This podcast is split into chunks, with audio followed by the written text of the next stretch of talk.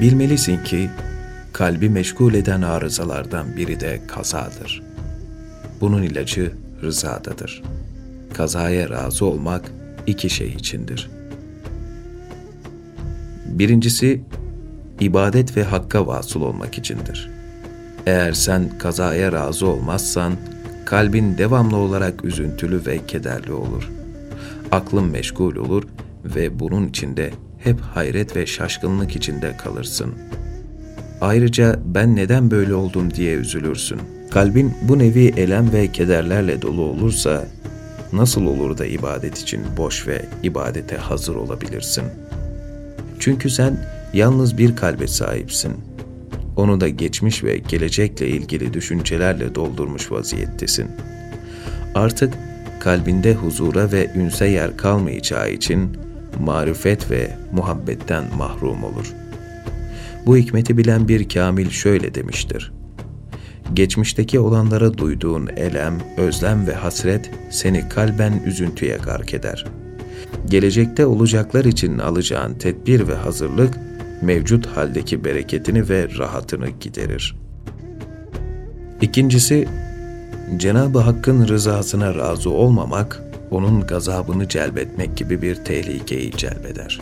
Rivayet olundu ki, peygamberlerden biri başına gelen musibetlerden dolayı Mevla'ya şikayetçi oldu. Bunun üzerine Cenab-ı Hak, benden şikayetçi misin? Kimi kime şikayet ediyorsun? Benden haya etmiyor ve benim halinden şikayet edenleri sevmediğimi bilmiyor musun?'' Benim nazarımda senin kurtuluşa ermen maruz kaldığın bela ve musibetlerledir. O halde senin hakkındaki kazama neden razı olmuyor ve neden şikayetçi oluyorsun? Senin için alemi mi değiştireyim? Bunu mu istiyorsun? Sen istiyorsun diye levh-i mahfuzda değişiklik mi yapayım? Seni kendi muradı üzere değil de senin dilediğin şekilde tedbir ve hüküm mü edeyim? Benim istediğim mi yoksa senin istediğin mi olsun?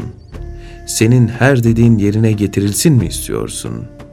Eğer bir daha senin kalbinden böyle bozuk bir düşünce geçerse, İzzet ve celalime and olsun ki senden peygamberlik makamını alır, seni cehenneme atar ve hiç de acımam buyurdu.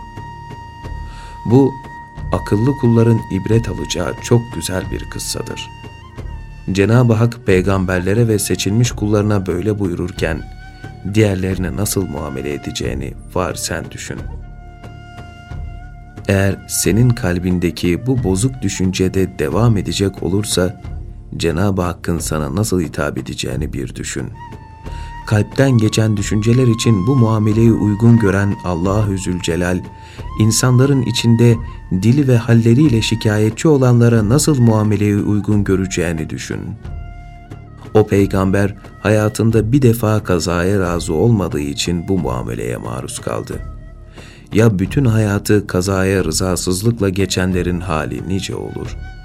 Yine Cenab-ı Hak bu muameleyi kendisine şikayette bulunan kuluna reva görmüştür.'' ya kendisinden insanlara şikayette bulunanların halleri nasıl olur? Hülasa edecek olursak, rıza, rızasızlığın terk edilmesi demektir. Rızasızlık demekse, iyi ve kötülüğü bilinmeyen işlerde Cenab-ı Hakk'ın rızasını bırakıp, kulun kendine iyi geleni seçmesi ve tayin etmesidir. Kötülük ve günah işlemek kader ve kazayla değil midir?'' Hal böyle olunca kul kötülüğe nasıl rıza gösterir diyecek olursan cevabımız şudur. Rıza ancak kaza için gereklidir ve kaza da kötülük değildir. Kötülük yalnızca kazanın sonucudur. Bu da kazaya razı olmanın kötülüğe razı olmak demek olmadığını gösterir.